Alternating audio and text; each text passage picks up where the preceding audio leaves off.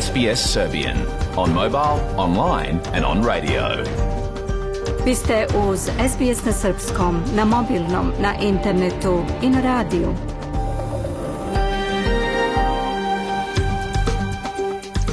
SBS odaje priznanje tradicionalnim vlasnicima zemlje sa koje danas emitujemo program na srpskom.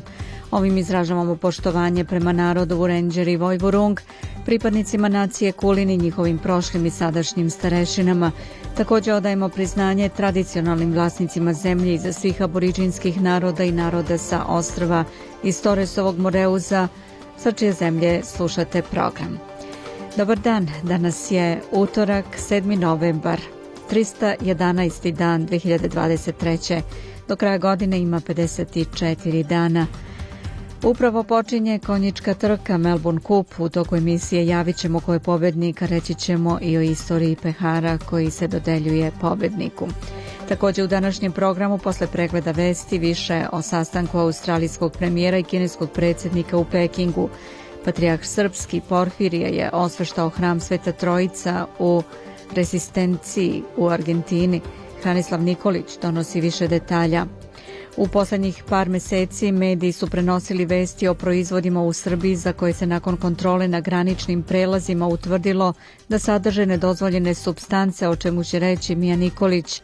Dobrotvorna organizacija za zdravlje dece Kids Express ukazala na nedostatak podrške deci mlađoj od 14 godina koje imaju probleme sa mentalnim zdravljem. Opširnije i o tome.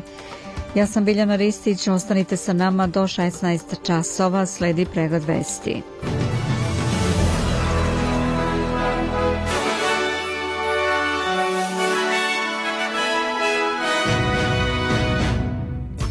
Rezervna banka Australije podigla kamatne stope sa 4,10 na 4,35 od 100.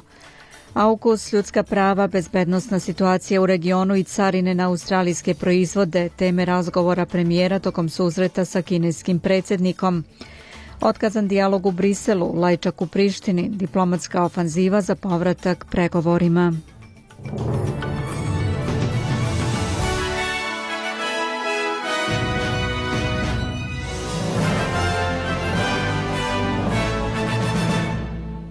Na svom redovnom sastanku danas je poslovodni odbor Rezervne banke Australija odlučio da podigne kamatne stope sa 4,10 na 4,35 odsto.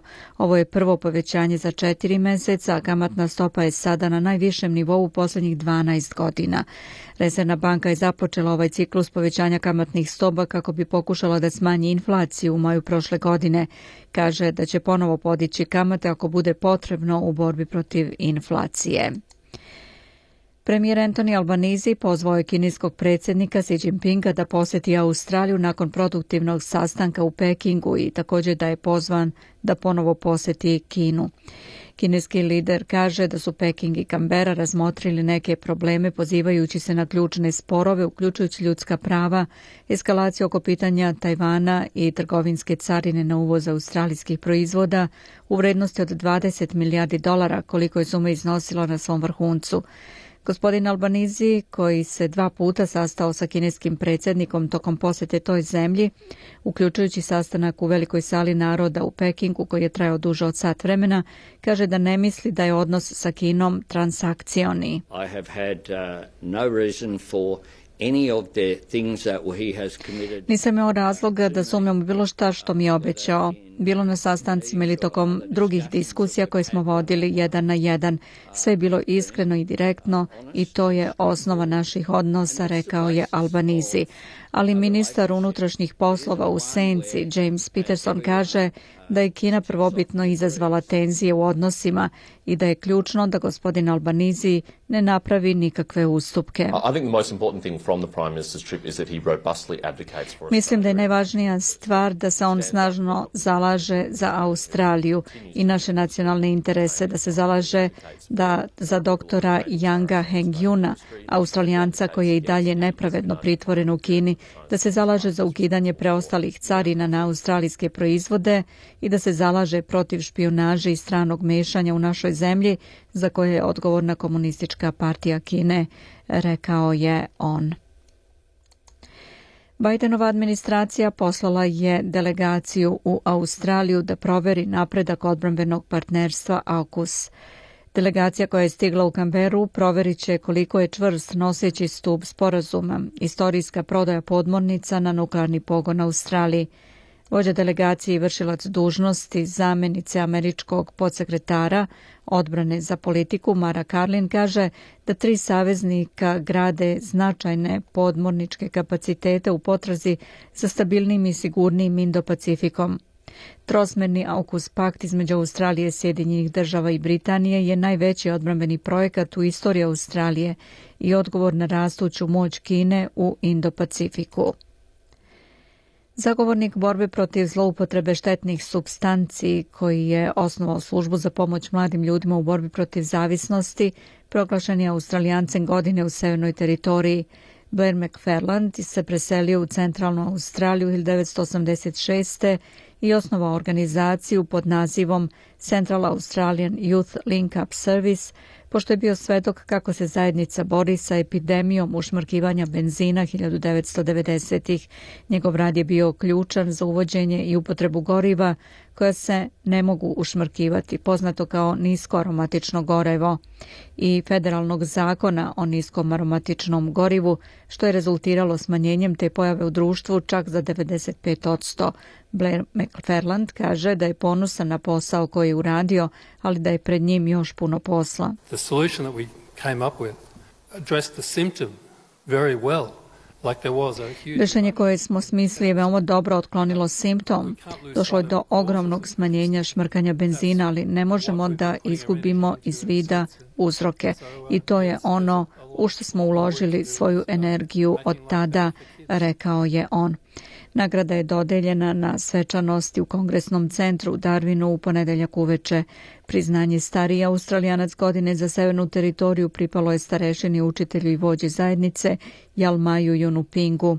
A kao mladi australijanac godine za severnu teritoriju proglašen je student medicine Peter Susant. SBS na srpskom pregled vesti 15 časova 7,5 minuta je. Agencije Ujedinjenih nacija i međunarodne dobrotvorne organizacije izdale su redku zajedničku izjavu u kojoj pozivaju na hitan humanitarni prekid vatre u Gazi, dok Palestinsko ministarstvo zdravlja u Gazi, koja je pod upravom Hamasa, navodi da je broj palestinskih žrtava prešao 10.000.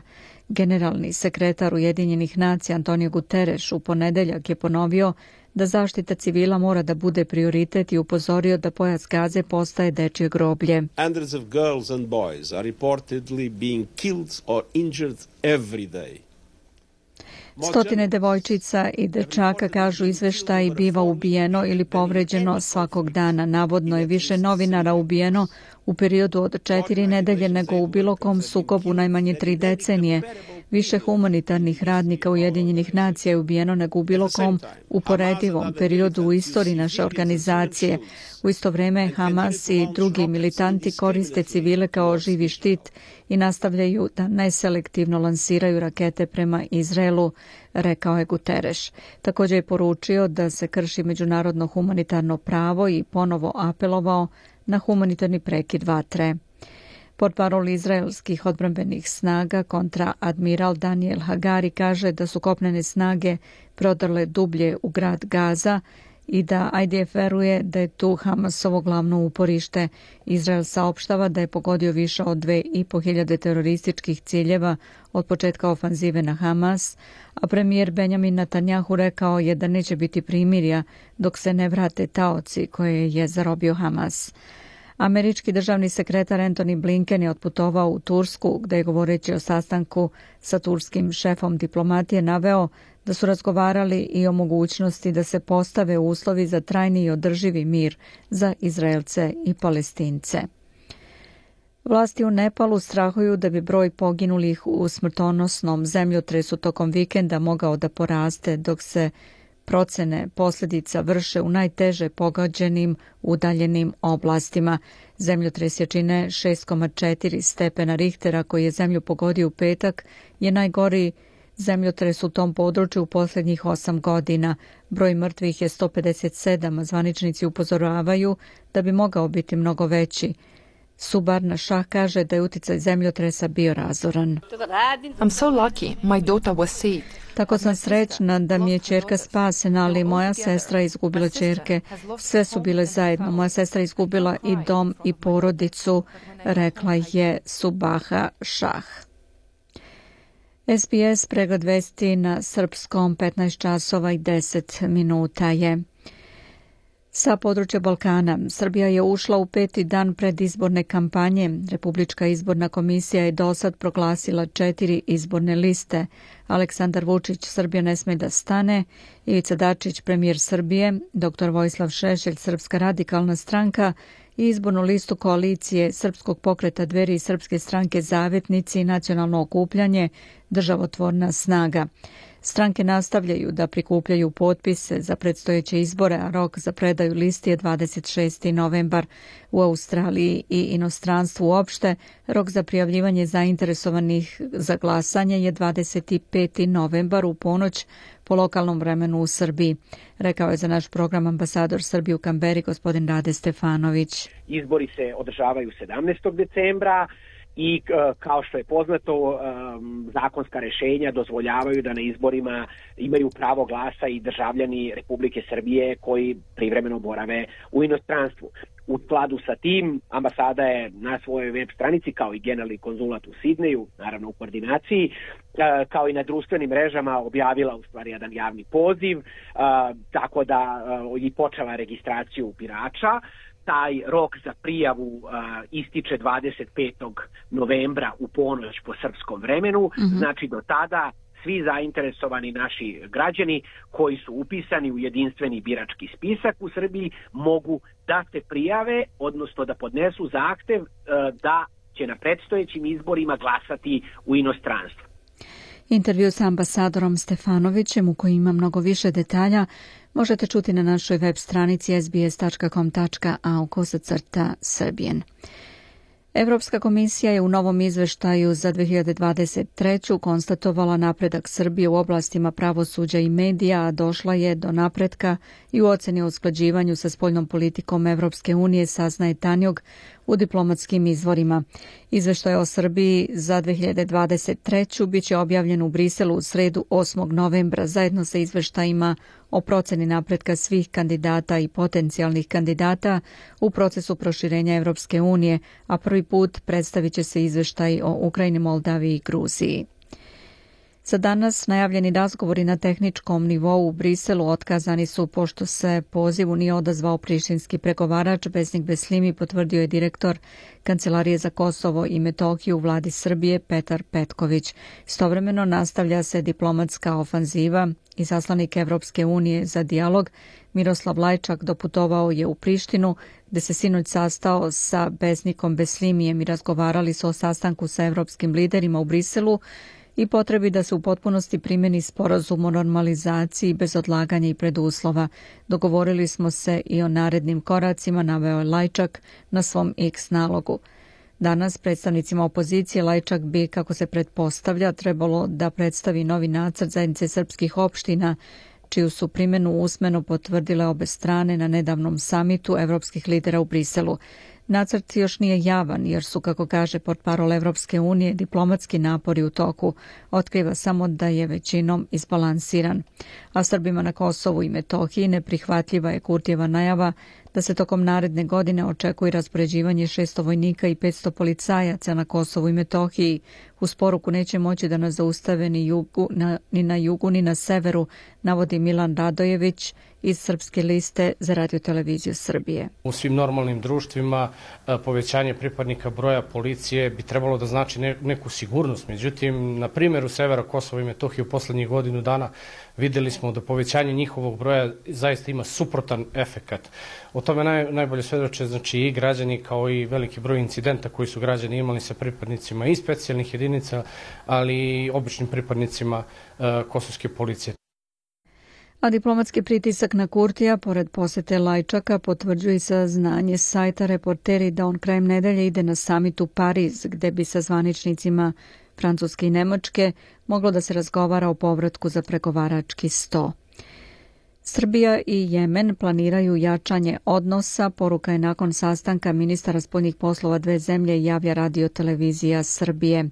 Prostora za saradnju ima pre svega u ekonomiji s obzirom na to da je razmena dve zemlje svega 5 miliona dolara godišnje. Jemen je zainteresovan i za saradnju u poljoprivredi, zdravstvu, kulturi, bezbednosti i odbrani, nauci i obrazovanju. Na tom sastanku Beograd je tražio uzdržanost po pitanju Kosova, a Jemen od Srbije očekuje podršku za svoj mirovni proces sa Hutima.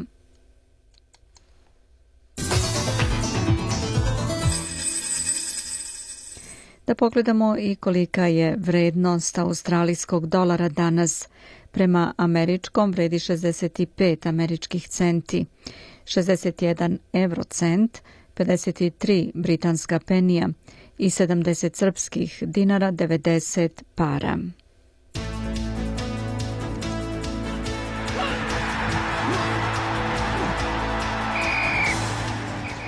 Pre nekoliko minuta na hipodromu Flemington završen je 163. Melbourne Cup. Pobedu u najznačajnijoj trci konja na južnoj hemisferi odneo je Without a Fight sa džokejem Markom Zarom, koji će poneti 4,4 miliona dolara i skupocen pehar. Drugo mesto zauzeo je Solkombe, a treće Šeraz. Šta je još aktuelno u svetu sporta, reći će nam Branko Cvetojević. Da čujemo. Uprava futbalskog kluba Sidney smenila je jutros šefa stručnog štaba Stiva Koriku. Otkaz je usledio posle izuzetno lošeg starta sezone za višestruke šampione A lige. Sidney je u prva tri meča zabeležio isto toliko poraza i to bez postignutog gola za 270 minuta igre. 50-godišnji Korika je vodio nebesko-plave u proteklih pet sezona i doveo ih do dve titule šampiona i jednog pehara premijera A lige. Kao najozbiljniji kandidat za njegovog naslednika u Sidneju pominje se doskorašnji trener Wellington Phoenixa Ufuk Talaj. Australijski stručnjak turskog porekla i sam je branio boje ovog kluba, a radio je i kao asistent u stručnom štabu Sidneja a futbaleri Beogradskog partizana nastavili su seriju pobeda i u Novom pazaru. Golom holandjanina Ksandera Severine u drugom minutu meča Crnobeli su ostvarili 12. triumf zaredom i sačuvali šest bodova prednosti u odnosu na drugoplasiranu Crvenu zvezdu. Ovog jutra po australijskom vremenu odigrana su još tri meča Srpske Superlige. IMT kao gost pobedio napredak u Kruševcu 4-0, Radnički iz Kragujevca je slavio u Subotici protiv Spartaka 3-0, dok je Lučanska mladost na domaćem terenu savladala Javor rezultatom 1-0. Za to vreme futbaleri Crvene zvezde se pripremaju za utakmicu četvrtog kola Lige šampiona protiv nemačkog Leipciga u Beogradu. Evropska futbalska unija UEFA odlučila je da u oči meča ublaži kaznu srpskom prvaku i dozvoli Zvezdi prisustvo 5000 gledalaca više nego što je prvobitno bilo određeno. Naime, crveno-beli su zbog diskriminatorskog ponašanja svojih navijača na meču protiv Young Boysa kažnjeni smanjenjem kapaciteta stadiona za 10.000 mesta. Sada je kazna ublažena, pa će Zvezda imati podršku više od 45.000 navijača. Takođe, Beogradskom klubu je smanjena i novčana kazna sa 62.000 na 40.000 evra. Utakmica četvrtog kola Lige šampiona između Zvezde i Red Bull Leipciga igra se u sredu ujutro od 7 časova po standardnom vremenu istočne australijske obale. I na kraju pregleda vesti da pogledamo i vremensku prognozu tokom popodneva u većim gradovima Australije. U Pertu sunčano sa 24 Adelaida sunčano 27, sunčano je u Melbourneu 31, Hobart oblačno vreme 21, u Kamberi takođe oblačno sa 26. Oblačno je i u Sidneju i Brisbaneu, Sidney 23, Brisbane 24, u Darwinu sunčano popodne 32, u Beogradu oblačno tokom dana do 20 stepeni. Slušali ste pregled vesti za sve najnovije. Posjetite sbs.com.au kosacrta news.